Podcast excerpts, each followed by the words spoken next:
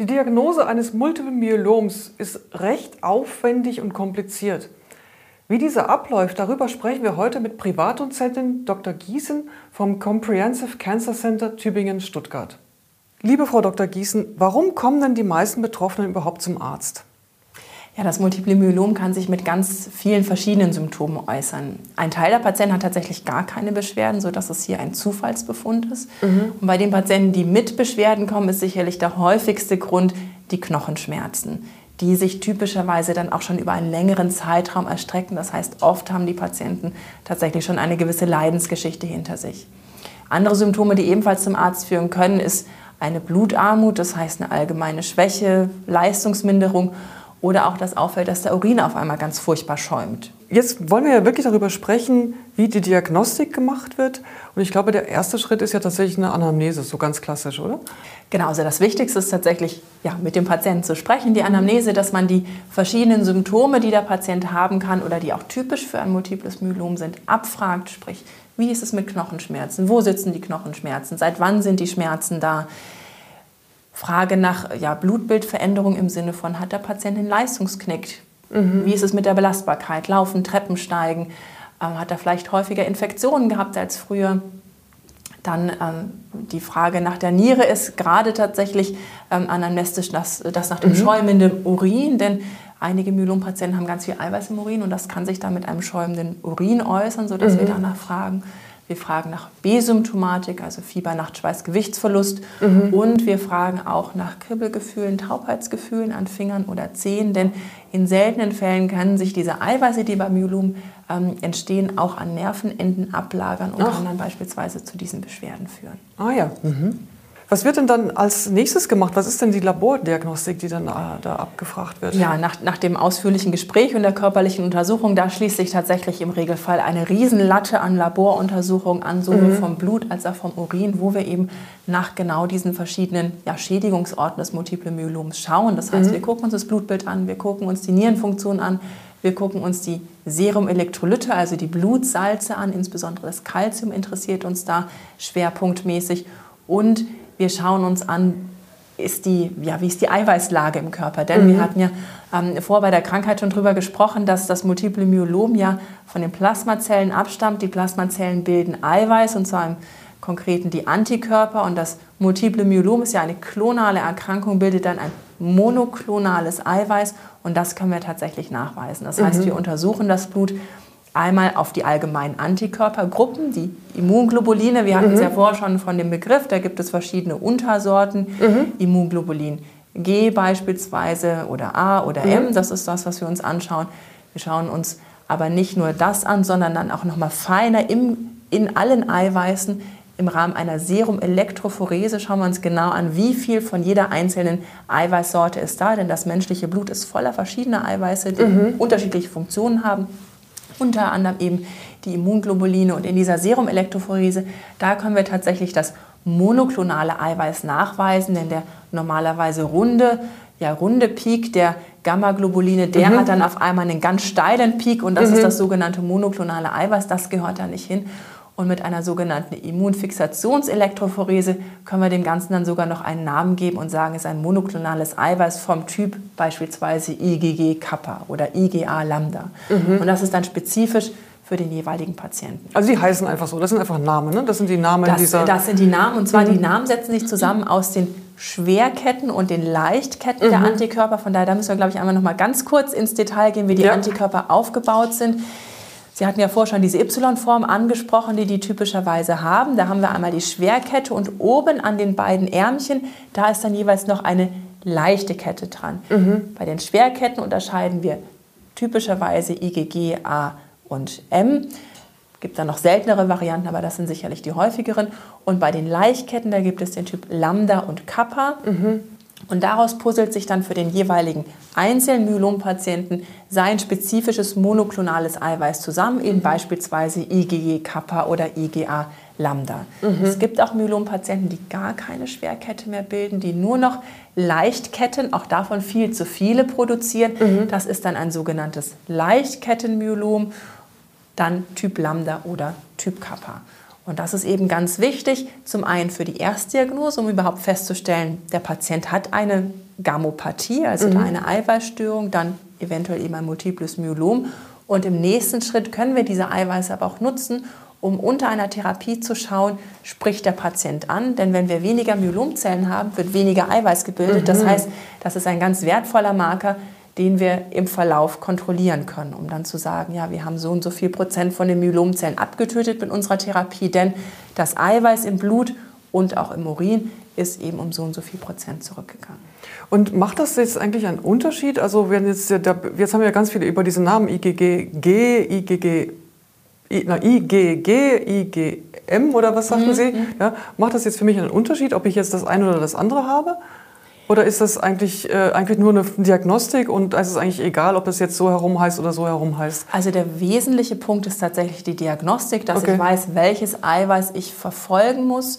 Ähm, gerade bei den Vorläufererkrankungen, diesem MGUS, ähm, fließt es aber durchaus auch in gewisse Prognosescores ein. Also mhm. von daher hat es da mehrere Funktionen. Mhm. Ähm, aber der wesentliche Punkt ist tatsächlich, dass ich weiß, welche Sorte hat der jeweilige Patient und dann kann ich es im Verlauf auch nachverfolgen. Mhm. Und ich untersuche eben sowohl einmal das Serum, also das Blut, mhm. als ja den Bildungsort sozusagen, als auch den Urin. Die Myelompatienten müssen typischerweise einen Sammelurin mitbringen zur Untersuchung, mhm. denn auch den untersuche ich eben auf diese Eiweiße und schaue, ob ich da auch klonales Eiweiß nachweisen kann, also diese einzelne Sorte. Und im Urin spricht man dann vom Benz-Jones-Protein. Das ist eventuell auch ein Begriff, den einige Patienten schon gehört. Also das ist jetzt wieder ein Forscher, der genau. das als erstes entdeckt hat und dann das, seinen Namen das quasi da. Ein, genau, das war ein Engländer, der Urin von Myelompatienten untersucht hat und deswegen okay. und der hieß so. Und okay. deswegen heißt es Und deswegen heißen die jetzt so. Die, genau. Okay, alles klar. Jetzt hatten wir darüber gesprochen, es ist eine Knochenmarkserkrankung. Dementsprechend wird ja wohl dann auch eine Knochenmarkspunktion gemacht, um da genauer zu untersuchen, was denn da im Knochenmark vorzufinden ist. Ne? Genau, das ist völlig richtig. Wir können ähm, im Regelfall eben die Myelomzelle nicht in größerem Maße im peripheren Blut, also in der normalen mhm. Blutabnahme nachweisen, sodass wir wirklich am Ort des Geschehens im Knochenmark nachschauen müssen. Das macht man typischerweise am Beckenkamm, denn da mhm. ist Knochenmark drin und da kommt man relativ gefahrlos dran, weil mhm. na, ins Becken kann man, kann man gut tasten, macht man mit einer örtlichen Betäubung. Mhm. Da piekst man quasi einmal mit einer etwas dickeren Nadel in, durch die Knochenschale durch in diesen Schaumknochen und saugt dann da flüssiges Knochenmark raus, nimmt im Regelfall auch nochmal ein ganz wirklich winziges kleines Knochenstückchen raus für den Pathologen, dass er sich das anschauen kann, um okay. eben zu gucken, sind da vermehrt Plasmazellen da. Mhm. Beim gesunden sagt man, bis zu 5% Plasmazellen darf man haben. Beim Myelompatienten haben wir dann typischerweise mehr als 10% von diesen Plasmazellen. Mhm. Und die sehen oft auch nicht in Ordnung aus. Also haben mehrere Kerne oder sind viel oh. zu groß oder sehen irgendwie nicht so aus, wie eine mhm. normale Plasmazelle aussieht. Mhm. Und das guckt man sich dann eben unter Mikroskop an. Und was man zusätzlich macht, ist, dass man die Plasmazellen auf genetische Schäden untersucht. Und da geht es nicht darum, hat der Patient selber jetzt im Sinne einer Erbkrankheit irgendwelche genetischen Schäden, sondern man guckt sich wirklich nur die Plasmazellen selber an, denn man weiß, die haben typischerweise immer irgendwelche Chromosomenveränderungen. Mhm. Und man weiß, bestimmte Chromosomenveränderungen sind mit einer ungünstigen Prognose vergesellschaftet, beispielsweise die Deletion 17p Kennt man von anderen Tumorerkrankungen auch, dass das schlecht ist. Also Deletion heißt, also wir haben ja dann diese Chromosomen, die haben wir jetzt, äh, können wir hier auch noch mal kurz zeigen. Und die sind ja immer so schön zusammengerollt, dass man die wie so, was ich weiß, wie so ein Würstchen oder was ich da liegt. Und Deletion heißt dann, dass da ein Stück dann irgendwo fehlt. Genau, also ne? man, man hat beim Myelom typischerweise verschiedene Veränderungen. Mhm. Es gibt die Deletion, dass ein Stückchen fehlt. Mhm. Da ist eben die Deletion 17p, etwas, mhm. was ungünstig ist, wonach wir gucken. Also 17p heißt, also 17 ist der 17. Chromosom und P, P heißt der kurze Arm. Ah, okay. Das ist einfach P und Q, kurzer mhm. und langer Arm von den mhm. Chromosomen und da mhm. fehlt eben ja, dieses Stückchen vom kurzen Arm vom 17. Chromosom. So, so sind diese Abkürzungen von der Zytogenetik. Und äh, wir haben auch bestimmte Veränderungen, wo ähm, etwas zu viel ist, zum Beispiel ein mhm. Zugewinn von 1q, das heißt vom langen Arm Q von Chromosom 1. Auch das ist eine mhm. genetisch ungünstige Veränderung. Das, heißt, das klaut er sich woanders dann oder, oder wie funktioniert das? Ist einfach zu viel. Also die oder Zellen teilen sich ja okay. und da, da, da ja. sind dann Fehler drin. Die okay. haben dann drei oder vier oder fünf Kopien vom, mhm. okay. äh, von dem langen Arm und mhm. eigentlich sollte man davon ja nur von jedem Chromosom ja nur zwei haben. Okay. Mhm. Einen von Vater und einen von Mutter. Mhm. Und was man auch bei Multiple Myelom häufiger sieht, sind Translokationen. Mhm. Das heißt, da ist ein Chromosom mit einem anderen Chromosom zusammengebaut, die eigentlich gar nicht zusammengehören. Zum mhm. Beispiel Translokation 414. Da ist dann ein Teil von Chromosom 4 an einen Teil von Chromosom 14 zusammengebaut. Mhm. Und das sind im Endeffekt alles Schäden, die im Rahmen der Zellteilung, diese Myelomzellen, die teilen sich ja mehr als eigentlich eine normale Zelle sollte. Und ähm, da kann es eben zu Fehlern kommen, mhm. die dann diese chromosomalen Veränderungen ähm, hervorrufen. Und wir wissen, bestimmte Veränderungen sind mit einer schlechteren Prognose vergesellschaftet. Mhm. Okay. Das heißt, da schauen wir speziell nach einmal, um unsere Patienten so gut wie möglich aufklären zu können, wo mhm. wir uns befinden hinsichtlich der Prognose. Aber wir reagieren tatsächlich auch mit der Therapie darauf, denn wir mhm. wissen, wenn solche ungünstigen Veränderungen vorliegen, müssen wir teilweise intensiver und länger behandeln. Das heißt, das ist einfach eine ganz wesentliche Information für die weitere Therapieplanung. Dann ein weiterer sehr wichtiger Schritt ist ja dann die bildgebende Diagnostik. Ja, das ist tatsächlich ein ganz essentieller Schritt, denn die Knochen sind ja wirklich ein Organ, was schwerpunktmäßig betroffen ist bei Multiple Myelom. Viele Myelompatienten haben Knochenschmerzen, Knochenlöcher und da wollen wir natürlich ganz genau wissen, ja, sind welche da und wenn ja, wo und wie groß und müssen wir da eventuell aktiv werden. Das heißt, möglicherweise operieren, bestrahlen oder ähnliches. Mhm. Und früher haben wir da immer konventionelles Röntgen gemacht von allen möglichen Knochen. Aber wie man sich vorstellen kann, gerade bei der Wirbelsäule, wo die Knochen ganz eng aufeinander sitzen, ist das von der Auflösung wirklich schlecht. Und mittlerweile okay. haben wir Gott sei Dank ja die 3D-Darstellung mhm. in der Röhre mhm. mit einem Ganzkörper-CT. Und das ist etwas, was ja mittlerweile eigentlich die Standarduntersuchung ist beim Multiple Myelom. Wir machen ein sogenanntes Low-Dose-CT. Da braucht man kein Kontrastmittel, denn der Kalk im Knochen ist ein exzellentes Kontrastmittel, mhm. das reicht uns völlig aus, mhm. geht auch relativ schnell, was wichtig ist, gerade wenn man Rückenschmerzen hat, will man ja nicht eine Stunde in so einer mhm. Röhre liegen Klar. Mhm. und ist auch nicht so beengend. Da kann man relativ schnell durchfahren und dann haben wir wirklich eine gute 3D-Auflösung, um zu schauen, haben wir ja Löcher im Knochen, müssen wir da eventuell aktiv werden. Ein Ganzkörper heißt dann wirklich Ganzkörper? Also sozusagen von, von Kopf bis Zeh. Also wirklich? in der Praxis sind tatsächlich meistens die Zehen nicht drauf, sondern mhm. es hört irgendwo auf der Höhe vom Unterschenkel auf. Aber mhm. grundsätzlich kann das mhm. Myelom ja in allen Knochen sitzen. Das heißt, wir mhm. wollen uns eigentlich auch alle Knochen anschauen. Ah ja. Mhm. Das CT ist wie gesagt die Standarduntersuchung, weil wir uns ja die, die Knochensubstanz anschauen. Wir wissen, dass aber andere Untersuchungsmethoden einem durchaus auch nochmal äh, eine Zusatzinformation geben, die aber aktuell in Deutschland jetzt noch nicht der diagnostische Standard an allen Standorten sind. Das ist beispielsweise ein Ganzkörper-MRT, da kriegt man nochmal eine gute Information über das Knochenmark. Mhm. Oder auch ein PET-CT, eine Untersuchung, die gerade in den USA viel eingesetzt wird, wo man nochmal ja auch Informationen zur Aktivität von bestimmten Zellen hat. Mhm. Jetzt haben wir ja ganz viel über die Diagnostik gesprochen. Und äh, Sie hatten aber auch vorher auch erklärt, dass die Krankheit, also Multiple Myelom ja ist an sich eine Krankheit, aber es gibt auch so verwandte Erkrankungen oder wie Vorzustände. Und äh, im, im Rahmen der Diagnostik wird auch wahrscheinlich dann auch geklärt, welche Erkrankung oder welchen Vorzustand habe ich denn jetzt genau, oder? Ja, absolut richtig. Ähm, es ist ganz wichtig äh, festzuhalten, dass nicht jeder Patient mit einem krankhaften Eiweiß im Blut direkt ein multiples Myelom hat, sondern mhm. es gibt ja auch diese ja, noch gutartigen Vorläufererkrankungen. Und im Endeffekt ist das so ein Zeitstrahl. Wir haben die monoklonale Gammopathie unklarer Signifikanz oder MGUS, mhm. die dadurch definiert ist, dass wir eben eine Gammopathie haben, dieses krankhafte Eiweiß, unklare Signifikanz heißt übersetzt, wir wissen auch nicht genau, was wir damit anfangen sollen. Okay. Ähm, wir messen eben ein Eiweiß im Blut, aber wir haben noch Plasmazellen unter 10 Prozent im Knochenmark.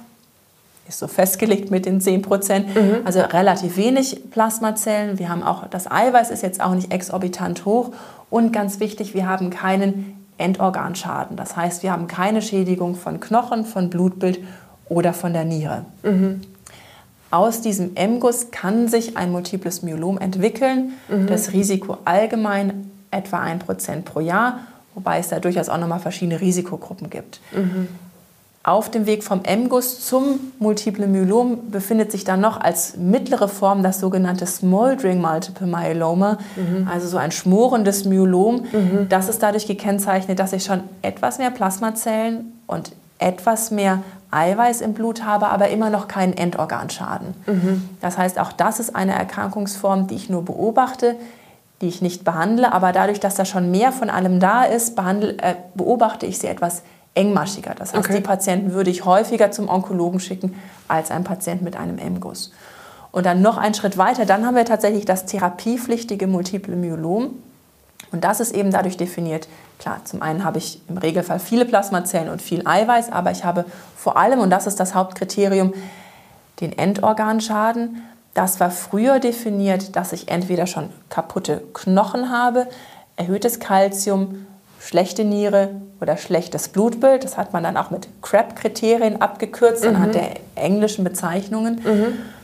Und seit einigen Jahren ist man aber einen Schritt weiter gegangen, dass man zusätzlich zu diesen CRAP-Kriterien, also wo man sagt, da ist schon wirklich was kaputt, mhm. noch sogenannte biologische Kriterien mit hinzugenommen hat. Getauft sind es dann Slim-CRAP-Kriterien, auch das sind wieder diese verschiedenen Abkürzungen. Mhm. Das sind dann Patienten, die haben noch keinen Endorganschaden, aber die haben schon so hohe Parameter verschiedenster Art, dass man sagt, der Endorganschaden wird höchstwahrscheinlich in den nächsten ein, zwei Jahren entstehen. Okay. Und die will ich auch schon behandeln, denn idealerweise möchte ich ja verhindern, mhm. dass es zu Knochenschäden und Nierenschäden kommt. Mhm.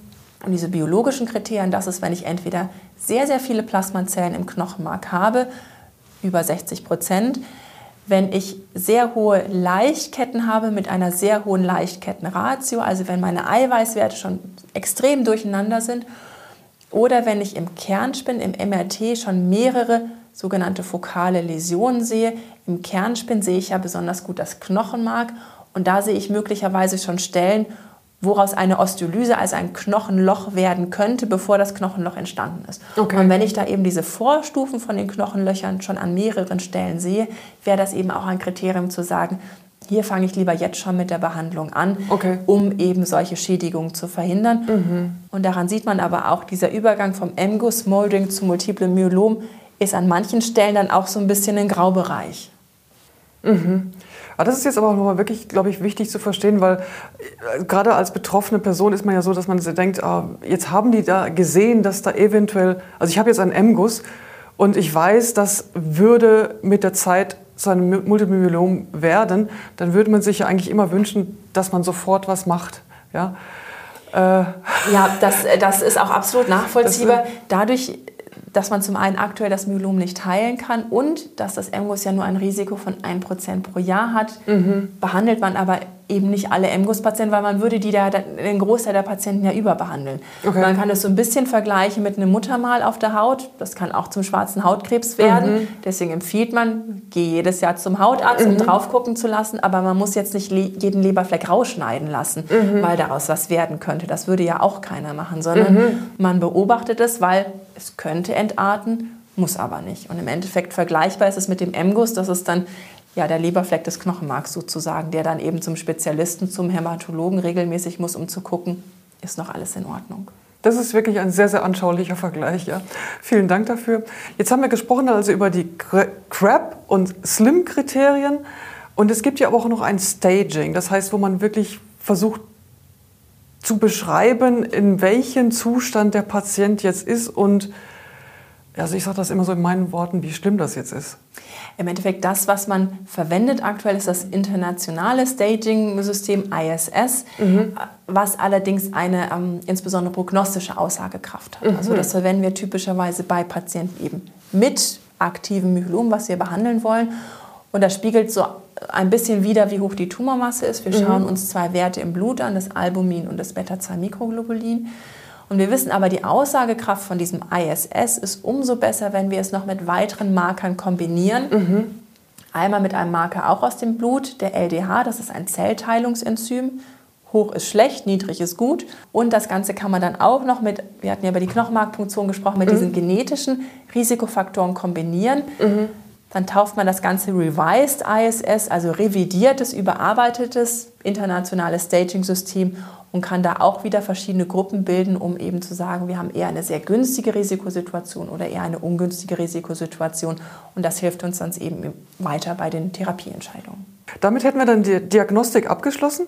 Das heißt, uns bleibt jetzt noch die Therapie. Da gehen wir gleich nochmal rein, schauen uns die Therapie an, weil das ist natürlich das, was uns am allermeisten interessiert. Ach ja, bitte geben Sie uns Feedback zu dieser Episode unten in den Kommentaren. Wir möchten unsere Angebote immer besser machen. Wenn Sie also konkrete Fragen haben und Sie bestimmte Themen besonders interessieren, lassen Sie es uns unter dem Video oder per Mail wissen. Und übrigens, abonnieren Sie unseren Kanal, dann verpassen Sie keine weitere Folge.